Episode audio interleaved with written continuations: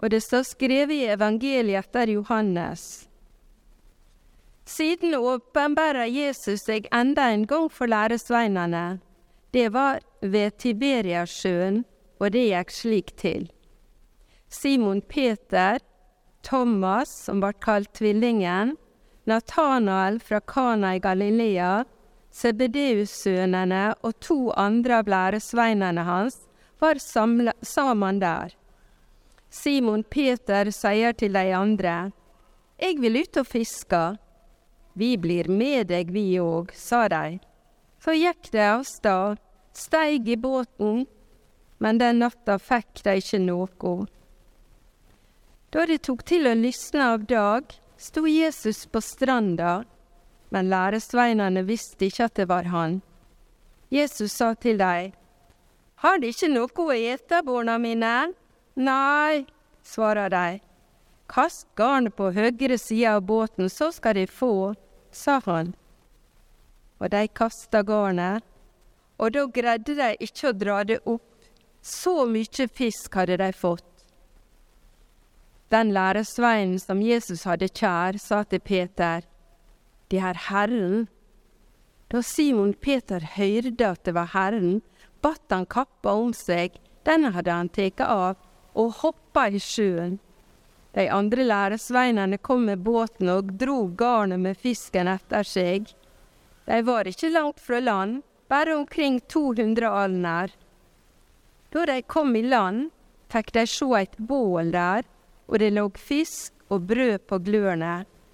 Kom hit med noe av den fisken de fikk, sa Jesus til dem. Simon Peter gikk da ut i båten og dro garnet på land. Det var fullt av store fisker, 153 i alt. Men enda det var så mange, rivna ikke garnet. Jesus sa til dem, Kom og få mat. Ingen av læresveinene våga å spørre han, Hvem er du? De visste at det var Herren. Da gikk Jesus fram, tok brødet og ga dem, og det samme gjorde han med fisken.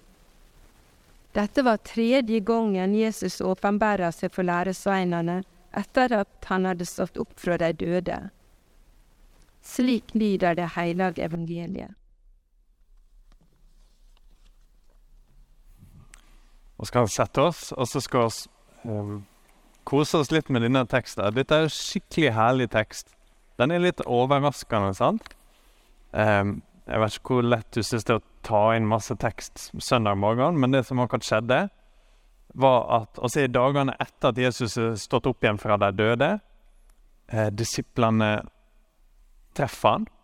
Her er sju av dem, tror jeg, i en båt på båttur. De vet ikke helt hva de skal gjøre. De er sultne, og de er fiskere. sant?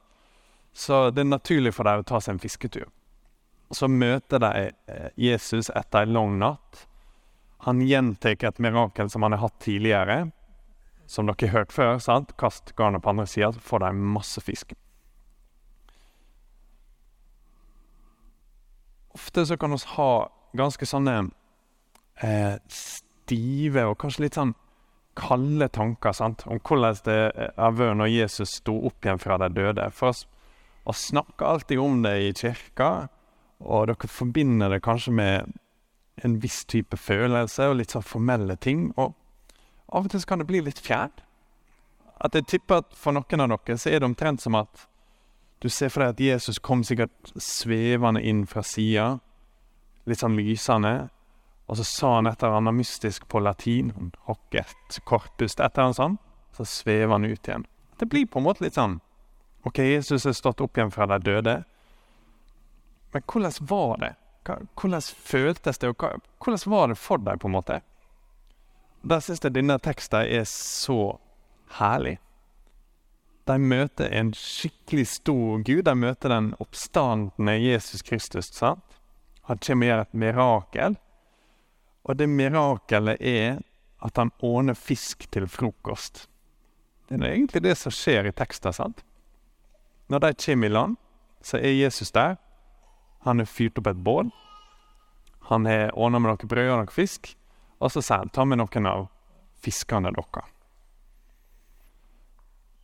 jeg tror vi har masse å lære av denne teksten. For noen av oss så er det på en måte sånn at Gud er stor, men han er ikke nær, sånn som han viser seg å være i denne teksten. For noen av dere så er det sånn at å se for seg Jesus fyre opp et bål er liksom helt eh, fjernt, sant? Og se for seg han åner fisk og brød. Han er nå fisker denne fisken, og han er bak dette brødet. Det er noen som tenker at han på en måte skaper frokost med et mirakel, og det kan han selvsagt hende, men det er ikke grunn til det. Han er menneske, og han er Gud. Og som menneske så er det vanlig for han å spise frokost. Han har lyst til å spise frokost. Han er ikke stor og fjern og åndelig i en sånn vag, distansert forstand. Her er det en gud som kommer skikkelig nært. Han kommer og setter seg i strandkanten med vennene sine, og så spiser de frokost i lag fordi de jobber hele natta, og de er sultne. Det er noe herlig med at denne teksten ikke er ultramystisk. Det er ikke masse sånn symbolikk som vi nødvendigvis skal pakke opp for å forstå det skjulte budskapet. Eh, når du leser bøker om denne teksten, så henger det seg voldsomt opp i at det er 153 fisker. Så dere det? Johannes kommenterte at det var fullt av store fisker, 153 i alt. Og så sitter jeg og gneger. Hva betyr det, liksom? Og noen mener at det er samsvaret med antall greske ord i tekster, og noen mener samsvaret med antall nasjoner i verden. og Vet dere hva svaret er? Han sier at de fikk 153 fisker. Fordi de fikk 153 fisker. Og så telte han hvor mange fisker det var, og så husker han det. Hvis du noen gang har møtt en fisker, så vet du at det er sånn det funker. sant? Han har sikkert solgt disse fiskene. Det er noe nært og hverdagslig med denne teksten som er skikkelig herlig. Dette er på en måte ikke en Jesus som oss må stige opp til det høye som plukker ned. Han er kommet til oss. Han har lyst til å spise frokost med oss fordi vi er sultne. Det er kjempeherlig. Men det er mer som er på gang, sant? For noen av oss er det sånn at dette er den eneste Jesus vi kjenner. Jesus som er den nære kompisen, på en måte. At å, jeg er glad i Jesus, for han er så glad i unger, og han er så glad i kjekke ting. Det er veldig tydelig i denne teksten at den de møter, er ikke bare nær, han er skikkelig stor. Jesus har gått gjennom alt som skjer i påska, for å kunne møte dem sånn som han møter dem her. Alle disse har svikta han, sant? Alle de som han nå spiser frokost med, forlot han på langfredag. Og fra si side så har de på en måte tatt avstand fra han. Han har dødd på korset for dem, og han har vunnet over døden og stått opp igjen fra de døde. Og hele på en måte under i påska ligger bak det som skjer nå. At han kommer og møter dem fortsatt med et smil. At han kommer og møter dem med åpne armer og 'Kom og ta med fisken deres. Kom og vær med meg.' Det er fordi han er så stor som han er. For han så er ikke dette en liten, enkel ting. At ja, klart oss er nå venner, og ikke tenk så masse på det, på en måte. Han er hengt hvert minutt på korset for å ordne dette. For å gjenopprette forholdet mellom dem, sant? Og mellom han og oss. Og for deg også, sant? Så er ikke dette en liten ting. De kommer tilbake til Jesus. Kanskje dere så eh, sin respons det er ikke på skjermen nå, men du har det på arket. At han bare hopper uti. Han tar ikke av seg klærne engang. Og det er mer sånn hva, hva betyr det, skriver de i disse bøkene. Hva er symbolikken på en måte i at han ikke tar av seg klærne? Det er masse tull, sant? Han er gira. Han blir skikkelig gira når Jesus kommer. Så han bare hopper ut i sjøen og svømmer inn. Peter er en veldig sånn impulsiv kar. Så når Jesus kommer, så er det så stort for han at han glemmer alt annet, og så bare fær han til Jesus. Den som ikke kommer tilbake til Jesus etter påska, av disiplene. Alle kommer tilbake på en eller annen måte og møter han, unntatt Judas. Judas sviker Jesus, og når han forstår hvor galt det er, så snur han seg vekk, og så tar han sitt eget liv. Alle andre, når de forstår hvor gale det er, så blir de på et eller annet tidspunkt møtt av Jesus med å ha sin store tilgivelse. Og det er det neste som skjer etter at denne teksten slutter. At Jesus og Peter begynner å snakke om at Peter sveik han tre ganger. Og Jesus spør han tre ganger om han elsker han, og så gjenoppretter han han til sånn som ting var før.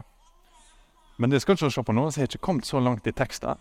Det å se på nå er Se hvem Jesus er. Han er ufattelig stor og ufattelig nær, og skal få lov å holde begge de to sammen. Noen av oss liker den ene sida, sant? men vi trenger begge sider. Det han sier til oss gjennom denne teksten, er 'kom og spis med meg'. Og Da tenker jeg ikke bare på sånn 'kom til nattvær', på en måte. Det er selvsagt en del av det, og det er nå derfor vi feirer nattvær. For det oss gjør sånn som Jesus sier, at vi skal komme til måltid med Han, og feire fellesskapet vårt med hverandre og med Han. Men det er på en måte enda dypere, det som ligger under alt dette, ja, de tingene oss lengter etter. Det er virkelig liksom åh, Det vi må ha for å ha et godt liv. Det vi må ha for å fungere. Det vi må ha for å ja, vær den jeg er meint å være. Det finner disse folka i den store og den nære Jesus. Og det er oss invitert til. Det er på en måte der oss med sitter igjen etter påska. Han gjør dette store. Han dør på korset og står opp igjen fra de døde. Sånn at han kan komme til deg nå og si Kom og spis med meg. Kom og hent det du virkelig trenger ifra forholdet ditt til meg. Så skal han sende oss ut etterpå, og det skjer seinere i denne teksten. De fortsetter ikke bare å fiske. Det er et stort opplegg som kommer seinere. Men det begynner her. Det begynner med at de kjenner Jesus som stor, og som nær. La oss be i lag. Gode Jesus, du som møtte deg på stranda med fisk og brød. Vi ber om at du skal møte oss i dag, ikke nødvendigvis med et bål i strandkanten, men at Den hellige ande skal gi oss en levende tro på Jesus, sånn at vi kan kjenne på hans storhet og glede oss over den, og nyte hans enorme nærhet. Vi ber om at det skal forvandle oss til å leve liv i kjærlighet. Amen.